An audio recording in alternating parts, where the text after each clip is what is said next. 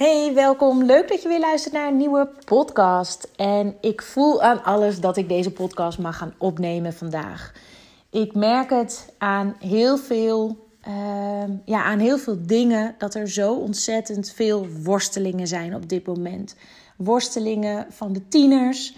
Uh, die moeite hebben met de werkdruk. Er is ontzettend veel huiswerk op het moment. Er komen toetsen weer aan, zo vlak voor de kerstvakantie. Uh, andere extra opdrachten komen eraan. Het is gewoon allemaal heel veel. En ze krijgen onvoldoendes terug. En ook al zeggen ze dat het hun niet boeit, het boeit ze wel. Het zit ze in de weg. Ze hebben er last van. Uh, het, is, het is gewoon.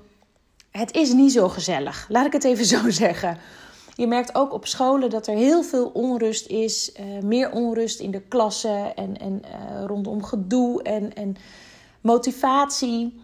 Um, ja, dit is, dit is een van de drukste tijden eigenlijk van het hele schooljaar. Als je het mij vraagt, als je het hebt over uh, sfeer en, en, en ja, negativiteit eigenlijk. En waar dat nou precies mee te maken heeft, uh, misschien is ook de tijd van het jaar, hè, de decembermaand met veel feesten, veel onrust. Dingen gaan anders dan normaal. Um, iedereen loopt een beetje op, op, op, zijn, op zijn tandvlees. Um, ouders proberen alle ballen hoog te houden de, de kinderen te begeleiden voor school waar nodig. En dat vraagt gewoon extra veel tijd en energie als het niet zo lekker gaat met je kind op school. Maar dat moet je ook nog allemaal doen naast je werk, naast uh, de aandacht die je voor je andere kinderen wil hebben als je meerdere kinderen hebt. Uh, misschien gaat het bij je eigen werk niet zo lekker op een moment. En, en weet je, er, komt zoveel op je af in deze maand. Ik, ik, ik merk het bij ons thuis ook dat er, dat er wat meer, um, ja, wat meer, hoe zeg je dat? Emotionele buien zijn uh, bij de kinderen. Uh, wij zijn zelf als ouders ook allebei best wel moe. We zitten al lang in een verbouwing. En op zich gaat dat allemaal prima. Maar het is allemaal wel en, en, en. En vanmorgen had ik de laatste online sessie met uh, de groep ouders van Positiviteit in de Puberteit. Drie maanden programma de laatste keer dat ik op die manier dat, uh, dat, maandprogramma, of, uh, dat uh, drie maand programma deed. Een super fijne groep trouwens, echt hele mooie gesprekken gehad.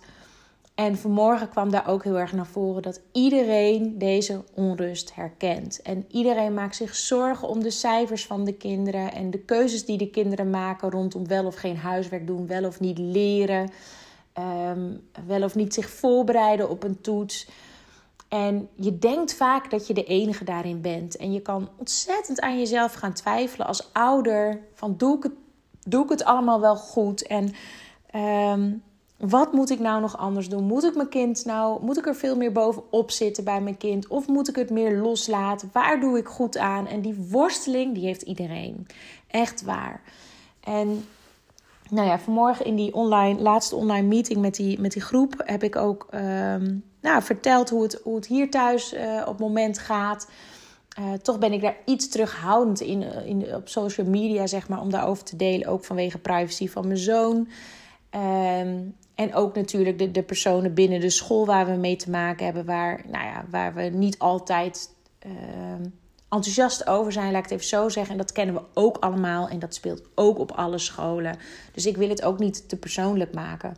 Maar wij merken op dit moment in ieder geval dat het, dat het allemaal heel veel is. En dat je um, snel de neiging hebt om er bovenop te gaan zitten, de controle te pakken. Um, uh, dat, je, um, ja, dat je streng wordt naar je, naar je kind toe om alles eruit te halen wat erin zit. Terwijl wat heeft je kind nodig? Juist die verbinding. Je kind heeft juist nodig om te voelen: ik ben helemaal goed zoals ik ben. Uh, ongeacht mijn cijfers, ongeacht het niveau wat ik doe, ongeacht mijn gedrag. Mijn ouders houden van mij.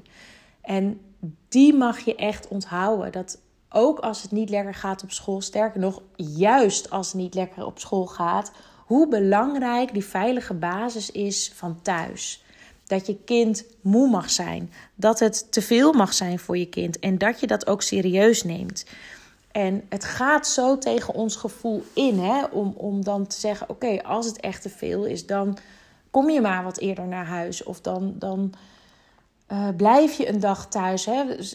Dat willen we niet. Want ze moeten niks missen op school. En ze moeten niet denken dat ze als, iets een beetje, als ze een beetje moe zijn, dat ze dan maar thuis kunnen blijven. Hè? Je bent zo snel bang dat je ze ehm, te veel met zijde handschoentjes aanpakt of te veel pampert of, of dat soort dingen. En dat lees je ook op het moment heel veel in de social media. Uh, ik deelde er gisteren, geloof ik, deelde ik in mijn stories, uh, deelde ik er nog iets over. Er was een artikel van, ik weet niet eens meer waarvan.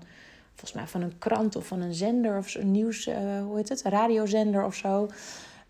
Um, dat ze vinden dat, dat de kinderen niks meer kunnen hebben en zo gepamperd worden. En dat, er, uh, dat ze snel naar school worden gebracht als het regent. En um, nou ja, dat soort zaken. Ik ben het er totaal niet mee eens. Ik ben er namelijk zelf van overtuigd dat je een kind uh, echt niet verstandiger maakt of weerbaarder maakt als je hem altijd door weer en wind laat fietsen.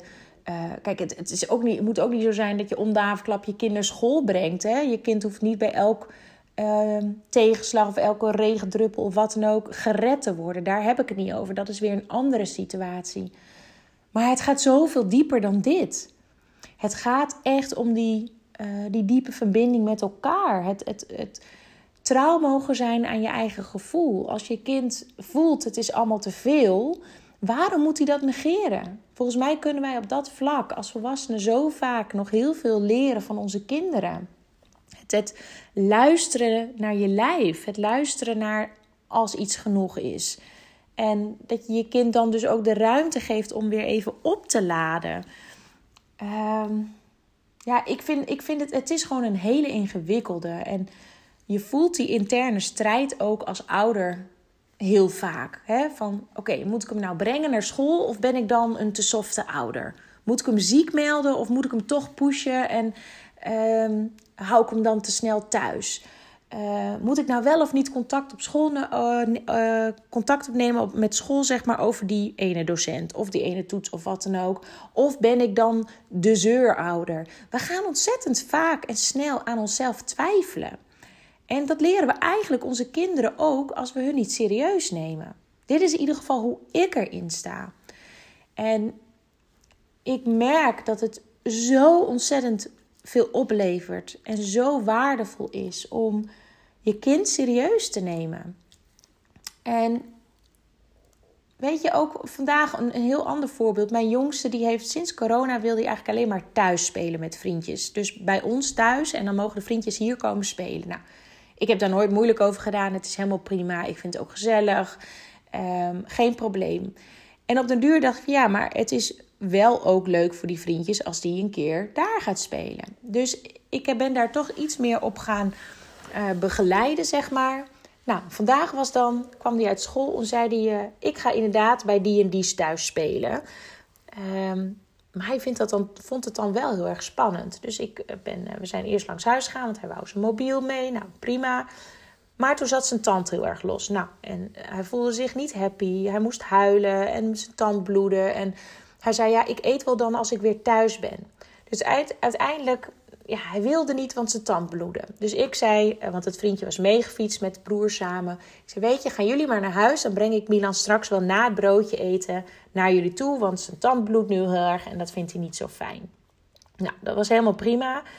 Um, uiteindelijk, en dat, dat idee had ik al wel, vond hij het gewoon hartstikke spannend om daar te gaan spelen. Hij was nog nooit daar thuis geweest. Dus we hebben het daarover gehad samen. Ik heb hem getroost.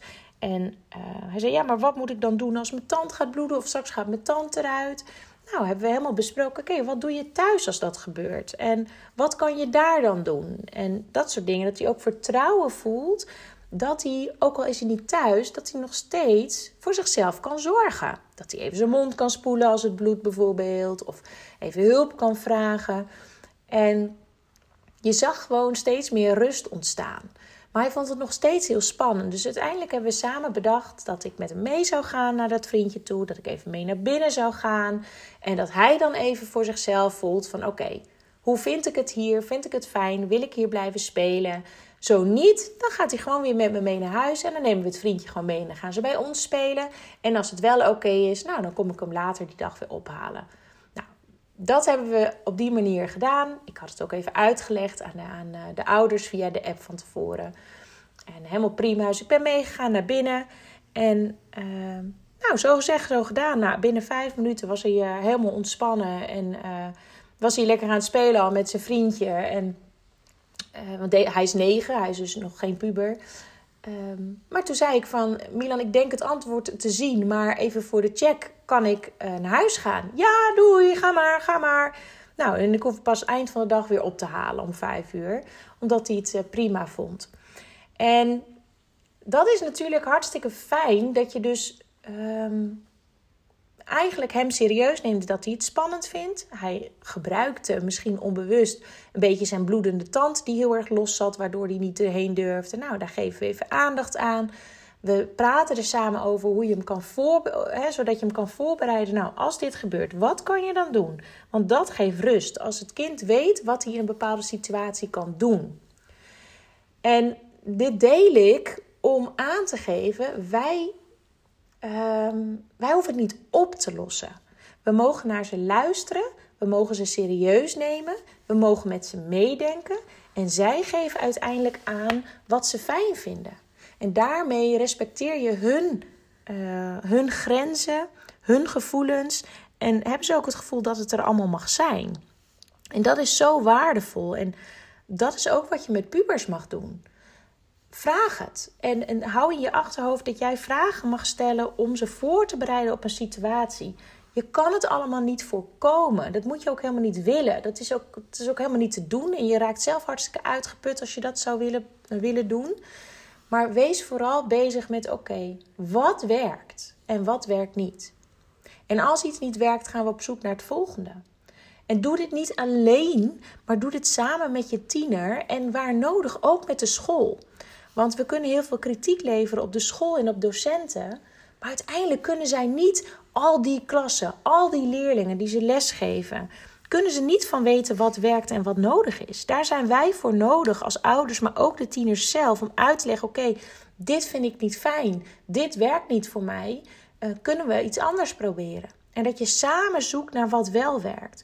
Dat geeft iedereen vertrouwen, dat geeft iedereen rust en het zorgt voor verbinding. En daarom is het ook zo belangrijk om met elkaar te praten in plaats van over of tegen elkaar. Dat is natuurlijk de boodschap die ik al heel vaak heb genoemd. En dat is ook echt een, een van mijn doelen met mijn praktijk. Dus ook in deze ontzettend rustige, onrustige periode bedoel ik, in december, en misschien ook al wel in november, luister ernaar. En ga kijken waar je een beetje kan vertragen. Maak het extra gezellig thuis met kaarsjes, um, met uh, lekkere geurkaars, met een muziekje morgens aan als je wakker wordt. Uh, of een knisperend haardvuur op, uh, op de tv zetten. Van die dvd's heb je daarvan. Of wie heeft nog een dvd tegenwoordig? Maar goed.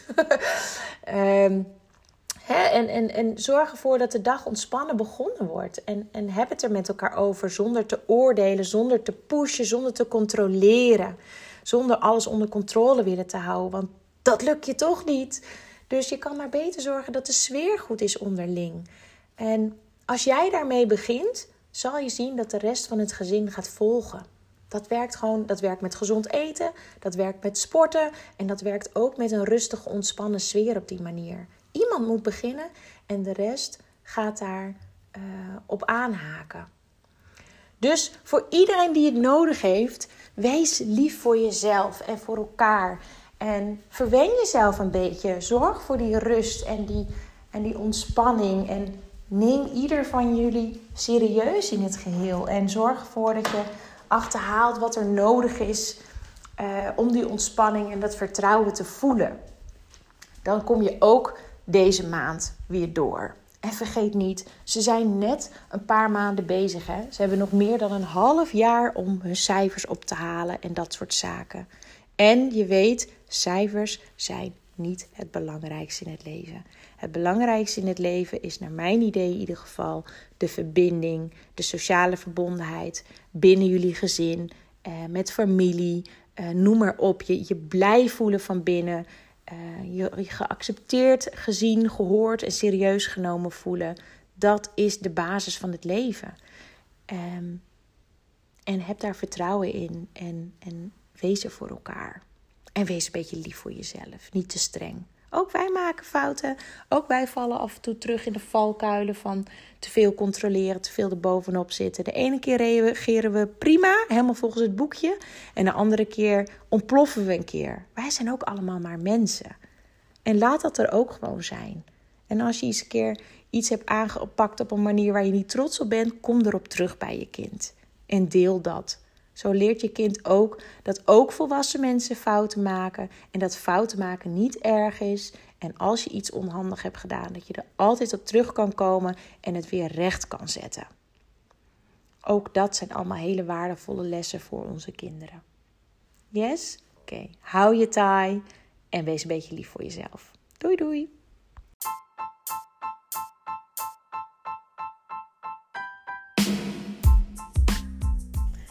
Dit was weer de aflevering van deze podcast. Ik hoop dat je het leuk hebt gevonden, dat je er veel informatie, tips en inspiratie uit hebt kunnen halen. Ik ben ontzettend benieuwd wat jij van deze podcast vond en wat je eruit hebt gehaald. Want ik neem ze op, maar ik wil heel graag weten hoe het is voor jou als luisteraar om dit allemaal te horen. Wil je mij dat laten weten via een persoonlijk berichtje? Dan vind ik dat hartstikke leuk. Wil je andere ouders motiveren, stimuleren? En inspireren met deze podcast, deel het dan op social media.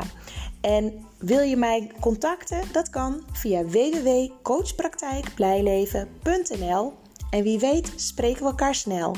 Fijne dag!